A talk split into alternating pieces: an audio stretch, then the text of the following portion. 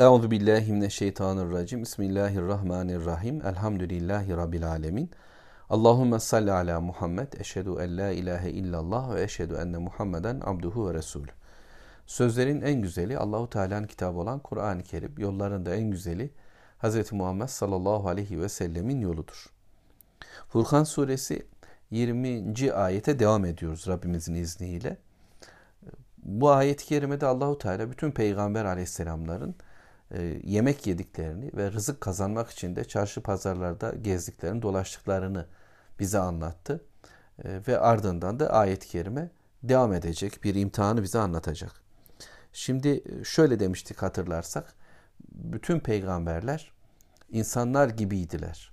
İnsandılar, yani yemek yiyorlar, diğerleri gibi ihtiyaçları var. Rızık kazanıyorlar, diğerleri gibi kendi ekmeklerini kazanmak durumundalar. Dünya kafirleri ise insanları sömürürler. Yeryüzünün güçleri onları cılızlaştırırlar. Onlar üzerinden bir hayat yaşarlar. Dolayısıyla kendi yemek yiyişlerini göstermezler. Halkın yemeğinden çalarlar. Kendi emek vermez ama bütün insanların emekleri üzerinden bir sistem oluştururlar. Oysa peygamberler insanlara bir özgürlük vermek için gelmiştir. Musa Aleyhisselam örnekliği bu noktada çok nettir. Dolayısıyla zulmü sona erdirmek, adaleti sağlamak, sömürüyü bitirmek, insanlar arasında güzelce bir paylaşım oluşturmak adına gelmişlerdir. Bu bakımdan e, onlar insanları köleleştirmek, ezmek değil, şahsiyet kazandırmak için çabaladılar. Ve şahsiyet insanlarla birlikte olmaktır. Onların yanında olmak, onlarla birlikte aynı işleri yerine getirmektir. Mescidin inşasında Muhammed sallallahu aleyhi ve sellem diğerleriyle birlikte tuğla taşıyor, neyse kerpiç taşıyor. E, ya da hendek e, kazılırken Resulullah sallallahu aleyhi ve sellem de onlarla birlikte kazıyor. Bütün eylemlerinde e, ashabıyla birlikte Müslümanlarla yan yana omuz omuza bir hayatı yaşamakta. Medine'nin en fakiri gibi bir evi var Efendimiz sallallahu aleyhi ve sellemin. Giysileri diğerlerinkiyle aynı ayrılmıyor. Ebu Bekir Efendimiz, Ömer Efendimiz de bu aynı standartı hep sürdürmeye çalıştı sahabe-i kiram. Ve bu dönemler böyle devam ettiğinde yani ayrışma olmadığında da fitne fesat da gelmedi. Allah hamdolsun. Ee, işte müminler dünyaya karşı dikkatliler. Dünyadaki bütün varlıklara karşı dikkatliler. Onların haklarına karşı. Allah'ın hakkının e, inşası adına kulların haklarını da gözettiler. Peygamberler böyle bir bilgiyle, böyle bir tanımla, böyle bir şahitlik ve örneklikle geldi. Fakat yeryüzü kafirleri, zalimleri, sömürücüleri, müstekbirleri, mütref, azgın şımarıkları bunu böyle kabul etmediler. Ve işte bu noktada Allahu Teala'nın ayet-i kerimede ikinci bölümde söyledikleri zihnimizde canlanmalı. Diyor ki Mevlamız ve cealna ba'dakum li ba'zın fitne. Şimdi sizler birbiriniz için bir kısmınız diğer bir grup için fitnedir, imtihandır, denenmedir diyor Allahu Teala. Dolayısıyla bütün peygamberler halkları için e, bir imtihan vesilesidir. Bütün halklar peygamberleriyle deneniyorlar. Aynı zamanda peygamberler de halklarıyla denenmektedirler. Araf suresinde Allahu Teala peygamberlere, gönderilen elçilere de soracağız diyor. Gönderilmiş olan peygamberlere de soracağız diyor. Dolayısıyla herkes bu imtihanı yaşayacak. Ee, peygamberler anlatıp anlatmadıkları, şahit olup olmadıkları ile ilgili bir soru ile karşı karşıya kalacaklar. Halklar ise size elçi geldi mi, duyuruldu mu diye bu hesabı yapılacak. Allahu Teala onlara soracak. Birbirimiz için bu noktada denenmekteyiz, deneniyoruz. Ee, bu ayet-i kerimenin bu bölümünü İslam'ın bugün sözcüsü olma niyetinde olan bütün Müslümanlar bir daha ciddiyetle okumalılar. Yani işte bu hayat, sokaklarda gezdiğimiz, ekmek parası derdine düştüğümüz, yemek yemek durumunda kaldığımız, ihtiyaçlarımızı gidermek durumunda olduğumuz bir hayatı yaşıyoruz. Hem de dünya sömürücülerinin bütün sömürülerine rağmen, üzerimize onların baskısına rağmen, eğer özgür bir hayat olsaydı böyle dertlerimiz olmazdı. Yani birkaç hurma, e, birkaç e, yudum suyla, bir av eti ve bir zemzem suyuyla özgür bir hayat, şahsiyetli bir hayat devam ederdi. İşte İsrailoğulları e, Tih çölüne çıktıklarında, Firavun'un zulmünden kurtulduklarında Allahu Teala onlara bıldırcın eti, kudret helvası gönderdi ve taştan da su çıkıyordu. Çok özgür bir hayatları, az bir yiyecekleri vardı. Evet e, yani çok konforlu, e, çok muhteşem, çok çeşitli bir dünya değildi. Ama düşünün artık sırtlarında boza pişiren, onların özgürlüğünü satın alan, emeklerini zayi eden birisi yoktu. Sadece yapmaları gereken Allah'ın peygamberinin dediklerini öğrenmek, Allah'ın gönderdiği kitabı, Tevrat'ı tanımak ve bu şekilde şahsiyetli, kişilikli, kimlikli insanlar haline dönmekti. Hedefleri dünya olmayacak, yeme içme olmayacaktı ki Allahu Teala onlara bunu bizzat gönderi vermişti. Her şeyi tek yapmaları gereken işte bıldırcınları avlayacaklar, onları yiyecekler. E, kudret elvası neyse onu toplayacaklar. Küçük bir emek. İşte e, gidecekleri taş belli, kayadan sular, hangi kabile hangisinden içecek o da belli. Buna dayanamadılar. Çünkü yıllarda, yıllarca şahsiyetleri ezilmiş, sömürülmüşlerdi. E, bundan dolayı dediler ki bize yeri bitirdiği soğan, sarımsak, mercimek, nohut, pırasa bunları istiyoruz dediler. Ve peygamberlerinden aşağılık olan e, kölelik hayatını talep ettiler. Değilse Allahu Teala bütün nimetleri şeref doludur. Pırasa da çok şereflidir. E, bıldırcın de çok şereflidir. Ama birisi özgürlüğün sembolü, diğeri köleliğin sembolü olarak kullanıldığında aşağılık bir hayatı talep ediyorlar. Yani çeşitli yemeklerimiz olsun, varsın, özgür olmayalım, şahsiyetimiz olmasın. Şuraya geliyorum. İçinde yaşadığımız toplumda İslam'ın davetçisi olmak böyle zorlu bir durumdur. Yani bir baskı var. Ekmek parasını kazanmak bile zorlaşmışken ya da ekmek parası gibi gösterilen dünya konforları için ömrümüz tüketilirken Allahu Teala'nın dininin sözcülüğünü yapacağız. Şahsiyetimizi düzgün tutacağız. Ezilmeyeceğiz, ezmeyeceğiz. Sömürmeyeceğiz ama sömürülmemek için çabalayacağız. Böyle bir hayatı oluşturmaya gayret eden her bir Müslüman bilecek ki kendisi bir imtihandadır. Ve e, başkaları gözünde de e, önemli durumdadır. Yani bu ayet-i kerime şöyle ifade etmeye çalışayım. İbrahim peygamber de Allahu alem öyle diyor. Ya Rabbi bizi zalimler için fitne kılma. Yani benim pozisyonum, duruşum, tavrım, yemem, içmem, gitmem, gelmem, kazanmam, vermem, almam. Çünkü patron pozisyonda olabiliriz, işçi pozisyonunda olabiliriz, e, öğretici pozisyonda ya da öğrenen pozisyonda olabilir. Bu pozisyonlarda da Müslüman kimliği korumak oldukça önemli. Ben böyle bir adamım diyeceğiz ki e, anlattıklarım yani sözcülüğünü yaptığım bakın ölüm var, kıyamet var, hesap var. Allah biriciktir ve Allahu Teala peygamberler gönderirsin hayatınıza bilgi gönderiyor diyen bir adamın ortaya koyduğu tavırlar da sağlam olmalıdır. Gariplerden yana olmalıdır. Nitekim Peygamber Aleyhisselatü Vesselam'a Mekkeliler teklifte bulunuyorlar. Diyorlardı ki yani şu adamlar senin yanında olmasa biz seni dinleyeceğiz. Şu köle Bilal, işte Ammarlar, Süheybler, e, Miktatlar, e, e, neydi? E, Abdullah İbni Mesudlar filan. Bunlar olmasa e, bu şu köleler falan senin yanına gelmese buna bizim konforumuzu bozuyor. Kafa konforumuzu, görüntü konforumuzu bozuyor. Biz bunlarla oturamayız. Yani böyle olmaz. E, bize anlatacaksan filan dediklerinde Resul Aleyhisselatü Vesselam belki düşünecek bile oldu bu işi. Anında Enam suresi, Kehf suresi Allahu Teala dedi ki sakın onlarla olmaktan kaçınma. Onların dediklerini yapma. Bunlarla oturmaya sabret dedi. Dolayısıyla zalim dünya e, zulmedilen, aşağılanmış insanları e, sokağın dibine atıyor. Kendilerini ise böyle güç merkezlerine, saraylara, e, alım satımın daha yüksek olduğu noktalara koyuyorlar ve ayrışmayı sağlamak istiyorlar. Oysa İslam böyle demiyor. Benim dilimde ee, Allahu Teala'nın birliği olacak ama hayatta bir ayrılıktan bahsedeceğim. Bunun bir sahiciliği olur mu? Müslüman e, öyleyse denendiğini bilecek. Bakın imtihandayız. Kimimiz kimimiz için bir deneme durumundadır. Peygamberler halklarıyla, halklar peygamberlerle imtihan ediliyor. Davetçiler bu noktada kendilerine dikkat edecek, durumlarını düzeltecekler. İnsanların yanında insanlar gibi yaşayan ve onlardan ayrışmayan, onlarla paylaşan bir hayatı kabulleneceğiz, bunu ifade edeceğiz, bunu güzelce gerçekleştireceğiz. Sonuçta herkes kıyamet günü bir hesabın içinde olacak. Bu ayeti kerimenin Peygamber sallallahu aleyhi ve sellemin ashabından Ebu Derda'nın dilinde bize gelen şöyle bir bilgisi var. Ebu Derda'dan rivayet edildiğine göre Peygamber aleyhissalatü vesselam şöyle buyururken dinlemiş o. Cahilden dolayı alimin, alimden dolayı cahilin, kölesinden dolayı efendisinin, efendisinden dolayı kölesinin, Zayıftan dolayı güçlü kimsenin, güçlü kimseden dolayı zayıf kimsenin, yönetilenlerden dolayı yöneticinin, yöneticiden dolayı yönetilenlerin vay haline. Bunlardan biri diğerinin imtihan aracıdır, fitne sebebidir. İşte Yüce Allah'ın biz bazınızı bazınıza imtihan kıldık. Sabredecek misiniz buyruğunu buyruğu bunu ifade etmektedir diyor.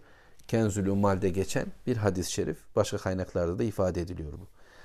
Öyle olunca yani İslam toplumunda da deneniyoruz. Bütünüyle Allah'ın yasalarının, kanunlarının yaşatıldığı bir toplumda da bu süreç devam eder ama özellikle İslam'ın yaşanmadığı toplumda Müslümanların sanki birer peygambermişcesine Allah'ın dinini anlatma çabasının olduğu ortamlarda daha bir dikkatli olmaları gerekecektir özellikle. Çünkü biz bir kimliği inşa ediyoruz, ortaya koyuyoruz. Bundan e, dolayı da bizim anlattıklarımızı insanlar harcamaması gerekir. Çünkü İslam'ı harcamış oluyoruz. Eğer biz İslam'ın istediği bir kimliği ortaya koyamazsak. Bütünle çabalayacağız. Bu imtihandan çıkabilmek için de Allahu Teala'nın bize söylediği şeye dikkat kesiliyoruz. Sabredecek misiniz? Yani sabreder misiniz? Müslüman e, imtihan içerisinde ölümler var, hayat var, deneniyoruz. Varlık, yokluk, hastalık, sağlık, güç, güçsüzlük. Her şey bir imtihandır. Dolayısıyla buna sabredeceğim. Sabır nedir? Yolda durmaktır, yolda devam etmektir. E, dolayısıyla e, bizler e, galiplerin ee, bizim üzerimizdeki şu anda galiplerin mağrurluklarına sabredeceğiz. Sömürücülerin e, semirmelerine, büyümelerine, yani Allahu Teala onlara izin veriyor. Onlar şu anda hayatı çok güçlü yaşıyorlar, gösterişli yaşıyorlar, görkemli yaşıyorlar. Biz ise Müslümanlar aciziyet içerisindeyiz. E, bunlara da sabredeceğiz. Bunlar sabretmek ne demek? Devam etmek demektir. Acele etmeyeceğiz. Olu versin, çabucak geri versin, iş biti versin demeyeceğiz. Bu böyle olur bir gayretin içerisinde, bir çabanın içerisinde, bir koşmanın içerisinde e, olmaya devam. Kulluğa devam. Kulluktan vazgeçmemek gerekiyor her pozisyonda. Ben ona devam edeceğim. İnsanlar bazen istiyorlar ki yani Allah artık beni duymuyor diyor adam. Ben ona dua etmeyeceğim. Yani ihtiyaçlarım çok. Hala imtihan devam ediyor. Herkes keyfini sürerken benim hayatım perperişan. E, yani Allah'a böyle küsme modunda ya da yok sayma modunda filan bir duruma düşüyoruz. Allah korusun. E, acele etmeyelim. Dua ettim, dua ettim de dualarım kabul edilmedi demeyelim. Davete, Allah'a çağrıya ve Allah için bir çağrıya ve Allah'a duaya devam ediyoruz inşallah. E, ve ayetin sonu çok muhteşem tamamlanıyor. Rabbin her şeyi çok iyi görendir. Allahu Teala görmektedir. Allahu Teala bizi biliyor. Durumumuzu biliyor.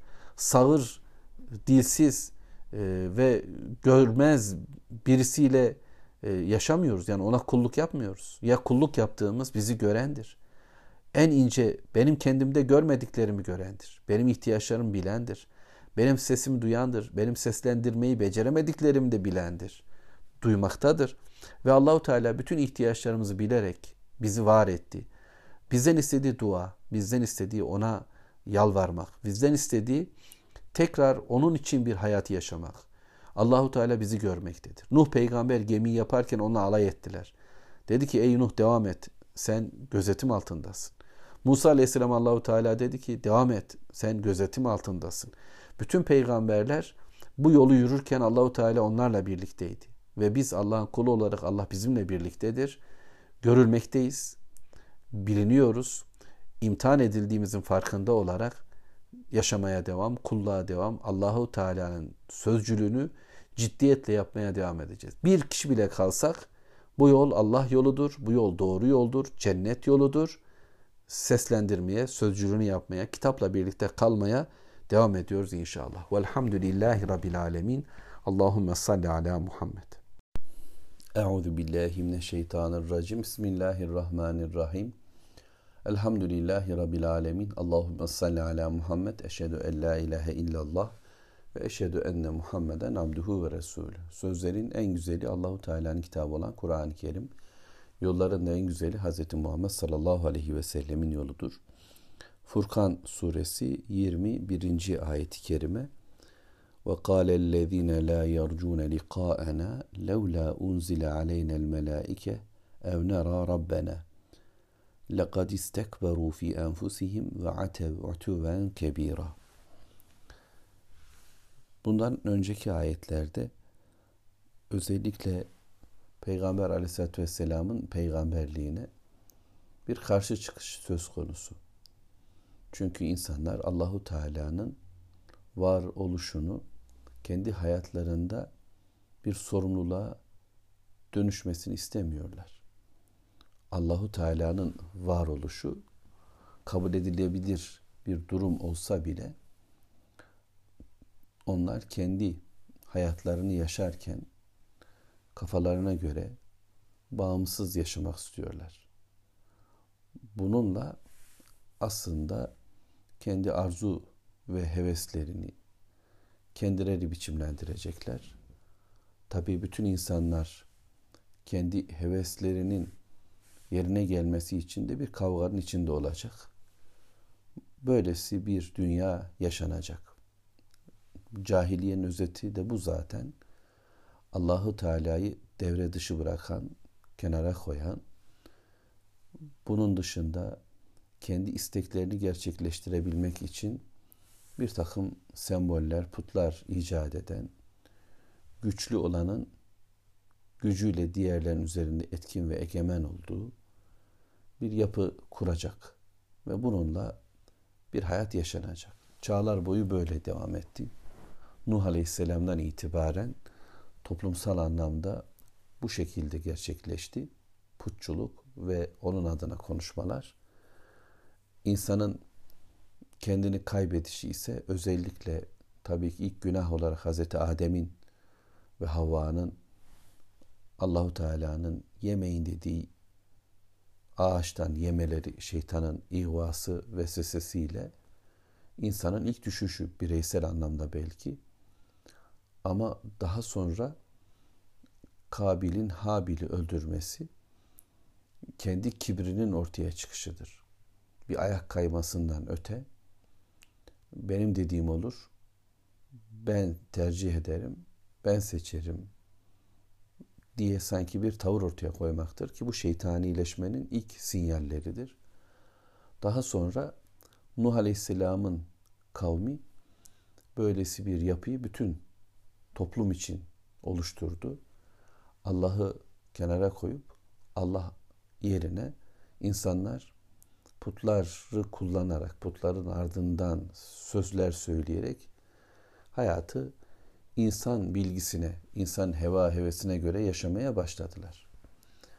Bunun doğal sonucu hesap edilmemekti. Yani Allah varsa Allah'ın bir hesabı da var diyecekti insanlar. Allah var dediler ama Allahu Teala'yı devre dışı bırakarak Allahu Teala'nın etkin ve egemenliği, hakimiyetini, Rabliğini, ilahlığını, vekaletini, vekilliğini kenara bırakarak sadece bir güç olarak evrenin yaratıcısı bir takım şeylerin işleticisi gibi düşünüldü. Bir güç. Onun dışında bir etkinliği yok. İnsan Allah korusun Allah'a da biçim vermeye kalktı böylece. Bu tür talepler yani Peygamber aleyhissalatü vesselama Mekkelilerin de ortaya koyduğu talepler böylesi bir e, kibrin, böylesi bir serbest kalma endişesinin eseridir. Allah'ı yok kabul edecekler. Allah'ı yok kabul edince de Allahu Teala'nın insanı bir gün hesaba çekeceği fikrini yani bir ahiretin oluşunu da reddetmek zorunda kaldılar. İşte şimdi Rabbimiz 21. ayet-i kerimeye başlarken inkar eden toplumu, Allahu Teala yok sayan toplumu, onun hayata karışmasını yok kabul eden bir toplumu bu yanlarıyla deşifre ediyor, açıklıyor bize. Diyor ki: "Ve kâlellezîne lâ yercûne likaena bizimle kavuşmayı hesap etmeyenler, ummayanlar, bunu arzu etmeyenler, bundan korkmayanlar. Yani böyle bir ölüm var. Evet öleceğiz, toprak olacağız, hayat yaşanacak ve sonra yok olacağız diyorlar. Ardından bir diriliş, yeniden bir hesap için uyanış, Allah'ın huzurunda bir mahkeme, Allah'a gidişi kabul etmiyorlar. Onunla karşılaşmayı. Bundan dolayı Allah'tan korkmuyorlar. Allah'ın hesabından korkmuyorlar. Yaptıklarının bir karşılığının olacağını sadece dünya için düşünüyorlar. Yani ne ekersen onu biçersin bu dünya adına bir söz. Kapitalist toplumlarda sadece gelecek günler vardır ve insanlar o günler için hazırlık yaparlar, çalışırlar, çabalarlar. Rahat etmek, konforlu bir hayat yaşamak isterler. Ve eğer ki yaptıklarının bir getirisinin olmayacağını dünya adına planladılarsa onların yapabileceklerinde bir sınır yoktur. Azgınlıklarında, taşkınlıklarında, insafsızlıklarında. Öldürme konusunda da, sömürme konusunda da, çılgın eğlencelerin içinde kaybolma konusunda da artık onlar durduracak bir şey yoktur. Hiçbir kuralın işlemediği bir alandır. Kurallar sadece kendilerini daha konforlu bir hayat adına koydukları şeylerdir. Belki ya da birilerini büyütürler aralarında. O büyük onlar üzerine yetkilidir. Sözler, kurallar, yasalar oluşturur. Bununla yaşarlar. Ama ahiret yoktur. Yani ne ekersen onu biçersin ahirette anlamındaki cümle bizim için geçerlidir. Ahirete iman eden. Allah'la bir gün karşı karşıya geleceğimizin ve o gün hesaba çekileceğimizin bilgisinde, haberinde, imanında olanlar için o gün utanmak ve pişman olmanın endişesi bugün bizi sarar. Bundandır ki dünyada amellerimizi kendimiz tekrar tartarız. Kitabın huzurunda, Allahu Teala'nın kelamın huzurunda Allahu Teala'ya yalvar yakar istiğfar ederek, af dileyerek o gün bizi bağışlamasını isteriz. Bugün yaptığımız yanlışlar sebebiyle, hatalar sebebiyle, yapmadığımız sorumluluklardan dolayı ve yaptığımız yanlışlardan dolayı. İman böyle bir şey. Bugünü bir takım sıkıntılarla yaşayabiliriz ama yarına karşı büyük bir özlemimiz ve sevgimiz vardır. Cennete iman ediyoruz ve cehennemden ne cehennemden de korkuyor, ona da iman ediyoruz. İşte Allah'a bu şekilde bakanlar bu noktada ahirete de inanmadıklarından söylemlerini buna göre oluşturdular. Ahiretsizlik üzerinden bir söylem, bir değiş ortaya çıkarttılar. Ne diyorlar bakalım bahaneleri? Levla unzile aleynel melaike. Yani peygamberim diyorsun madem öyle bize bir melek indirilmeli değil miydi? Yani senin özelliğin ne? Eğer peygambersen, bizim önümüze geçeceksen, bize bir şeyler öğreteceksen bu melekleri biz de görmeliydik. Sana gelenler bize de gelmeliydi. Melekler işaret etmeliydi, konuşmalıydı bizimle. Bakın bu sizin elçiniz. Bundan sonra buna uyacaksınız demeleri gerekmez miydi? Neden yani? Biz neden görmüyoruz? Senin özelliğin ne? Yani seni sarıyor, vahiy bürüyor ve sen duyuyorsun. Sen konuşuyorsun, bize sonra gelip anlatıyorsun. Neden? Biz bunu kabul etmeyiz dediler. Biz de melekleri görmeliydik, biz de meleklerle konuşmalıydık. Eğer böyle bir şey varsa. Ya da daha da ağır ileri gittiler. Ev nera rabbena. Rabbimizi görmeli değil miydik? Biz Rabbimiz yani onun kuluysak sen de onun kulusun.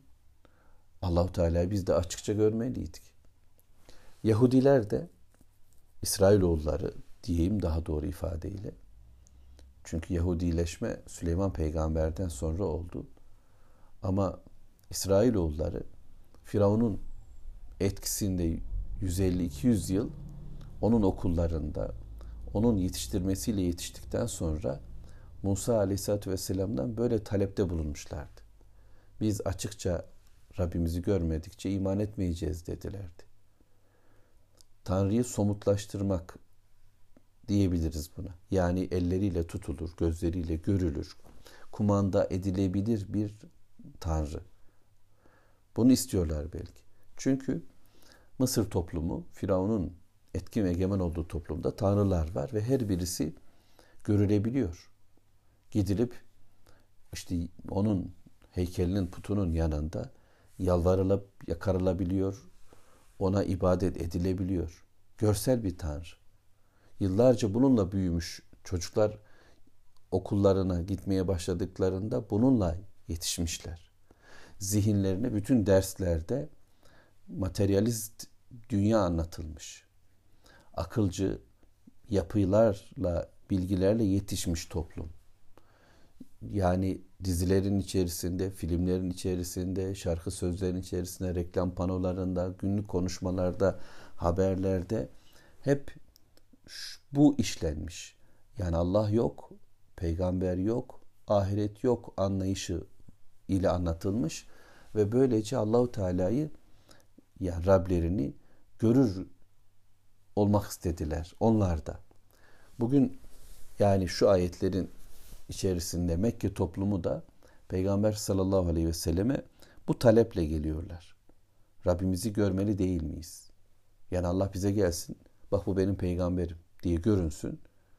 Böylece bizi kabul edelim dediler. Öyle ağır bir gavurluk, öyle ağır bir kibirle konuşuyorlar ki ağızlarını doldura doldura. لَقَدْ fi enfusihim. Bunlar kendi içlerinde içten içe kendi kendilerine bir büyüklüğün içine düştüler. لَقَدْ istekberu kibirlendiler. Bu büyüklenme yani kendi dünyalarında, kendi aralarında birbirleriyle birlikte konuşup tartışırken diyelim Darun Nedve denilen o parlamentoda bir arada bunu tartıştılar. ve gittikçe de volüm yükseldi. Yani kibir, inkardan artık istikbara doğru evrildi. Yüreklerinde bir büyüklük, bir ego vardı. Diyelim bütün Mekke toplumu kendilerini çok saygın görüyorlardı. Ve bu saygın topluluğun en saygın ortamı işte parlamenterleriydi. Mekke yöneticileriydi. Asilzadelerdi. Ve o asilzadeler de kendi işlerinde Muhammed Aleyhisselatü Vesselam'a karşı olan kavgayı konuşurken öyle bir hale geldiler ki bu büyüklenme artık Allah'a da uzandı. Onun nasıl ne yapacağını da ayarlamaya kalkan bir yapıya ulaştı. Allahu Teala'yı kendi zihinlerinde zaten belli bir yere oturtmuşlardı ama bu şimdi açığa çıktı. Yani madem ki Allah peygamber gönderecek görünsün bize dediler. Değilse, değilse olmaz. Yani Allah da yok verecekler de güçleri yetmiyor. Bu kadar da söyleyemediler ve böylece onu yok gibi düşünerek peygamber de gönderemez. Varsa yoksa biziz. Bu hayat bize bırakılmış. Biz burayı düzenleyeceğiz. Ahlakını, erdemini, değerler sistemini, ekonomik, siyasi, sosyal yapısını biz ayarlayacağız. İş bizim üzerimizde filan diye mantıki, reel kendilerine göre açıklamalar da getiriyorlardı. Bu onların tekebbürüydü, büyüklenmesiydi. İçlerinde bir büyüklük oluştu. Bu benim hayatım. Madem öyle görülsün bana ben de yapayım demeye vardılar. Allah'ı ve Resulünü dışlayan, onların sözünü yok kabul eden ya da Allah ve Resulün sözlerini de bugün Allah korusun aynı akılcı zihniyette tartan kafalar iş dünyalarında bir kibir oluştu da ve atev utuven kebira azgınlık yapmakta da çok ileri gittiler. Artık e, tutarsız bir şekilde konuşmaya başladılar. Taşkınlık edepsizliğe dönüştü. Belli bir sınırı aştı. Yani bir bilgiyle konuşuyorlarken, bir bilimle konuşuyorlarken güya mantık çerçevesinde konuşuyorlarken artık ağızlarından böyle köpükler çıkan bir öfke, bir kibir, bir kendini beğenmişlikle söz söylüyorlar. Meleklerin gelmesini talep ediyorlar. Allahu Teala'yı kendilerinin istediği bir şekilde önlerine gelecek. Bak bu benim elçimdir uyu verin filan diyecek bir hale dönüştürüyorlar. Rabbim şerlerinden korusun dünya kafirlerinin de. Bu talep aynısıyla bugün var. Aynısıyla bugün dünyaya yeryüzünün yöneticileri bunu söylemektedirler. Söylemin kelimeleri değişmiştir. Söylenen şey aynıdır. Allahu Teala'yı yok kabul eden, peygamberi yok kabul eden ve ahiret günü yok kabul eden bir anlayışla diyorlar ki konu biziz. Buraları biz yönetiriz. Bizim işimiz budur. Başkasına düşmez bu iş. Öyle herkesi karıştırmayın. Allah filan kendi yerinde durur. Biz bu dünyanın sahipleriyiz. Para bizim, siyaset bizim, sosyal hayat bizim, yöneten biziz. İşimizi biz yapacağız. Ey insanlar denk durun. Hesabınızı öyle ahirette mahirette aramayın. Biz canınızı okuruz. Eğer mükafat istiyorsanız sistemimize uyun. Eğer cezamızdan korkmuyorsanız işiniz biter ona göre diyor. Ayar vermeye çalışıyorlar toplumlara ve toplumlar da Allah'tan korkmaları gerekirken ve Allah'la kavuşacakları gün bulacakları nimetlerle coşmaları gerekirken üç kuruşluk dünya baronları karşısında korku içinde eğiliyor ve onlar karşısında kuyruk sallayarak güya onların nimetleriyle şenlenmek istiyorlar. Oysa bir gün gelecek ve melekleri görecekler. Hemen 22. ayette bunu göreceğiz inşallah. Velhamdülillahi Rabbil Alemin.